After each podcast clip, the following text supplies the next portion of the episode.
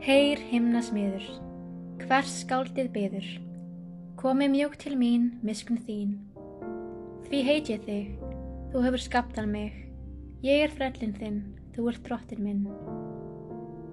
Guð heit ég á þig, að græðir mig, minnst mildnungur mín, mest þurfum þín.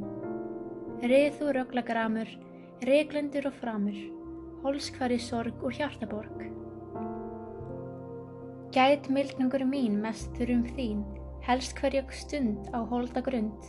Set megar mögur málsefni fögur, öll er hjálpa þér í hjarta mér. Þetta var ljóðið Heyrheimasmiður eftir Kolbjörn Tumason, en í dag má ekki síst reyka til lags Þorkjell Sigurbjörnssonar frá 1973. Orðskeringar eru hér. Skaptur, því þér skapaður. Mildungur þýðir örlátur maður. Röðalagramur þýðir konungur. Höldur þýðir maður. Mögur þýðir sonur. Næst ætla ég að tala um Agnesar sögu. Agnesar saga tilheyrir heilugur um mannasögum. Sagan gerist um árið 300. Heilugur dagur heilagar Agnesar er 21. janúar. Greifarsonurinn vildi giftast henni þegar hún var aðeins 13 ára. Ástæðan okkur hún vildi ekki giftast hannum var vegna þess að hún unni öðrum, eða Jésu Krist. Hér eru tvö dæmi hvernig englar Guðs og Guð hjálpuðu Agnesi þegar kom að óbildi yfirvaldana. Agnes var leitt nakin inn í porthús eða vændihús en þegar hún var komin úr fötunum og leysir hár sitt, þá byrjast henni engil hvus og hún er böðuð í miklu ljósi, svo björtu sem sólinn sjálf. Hver sem komin í portusið blindaðast að ljósinu.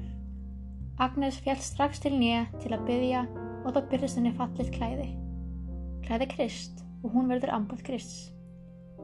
Annað dæmið er þegar átt að brenna hana báli og eldurinn skiptist í tvent. Dauði Agnesar er eftirfærandi. Bálið tendra fyrir framann líðin og Agnesar er kastað inn í miðan eldin en það skiptist eldurinn í tvett, þannig að borgarbúar brenna sig. Þegar ekkert ást að brenna hana var hann pyntuð og síðan drefin með smjóti í gegnum bróstið til að tryggja hann væri döð. Hér er ég með þrjú lýsingarorð yfir Agnesi. Fyrsta er sterk því að hún komst ekki einu svo mikið að hans að breyta því hver hún var. Og næsta er metnaðafull eða kannski staðaföst passa betur. En aftur á þeim hjælt, hjælt við sinni trú á Jésu Krist. Saman hvað gerist og svo tröst því hún var alltaf trú Jésu Krist.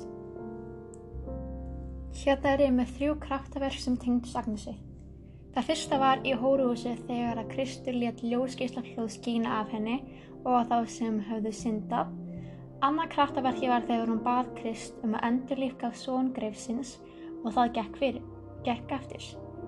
Þriða kraftaverkir átti sér stað í réttaröldum þegar Ambrosius reynda að kveiki Agnesi en Kristur let eldin fara yfir að fólkið en ekki hana.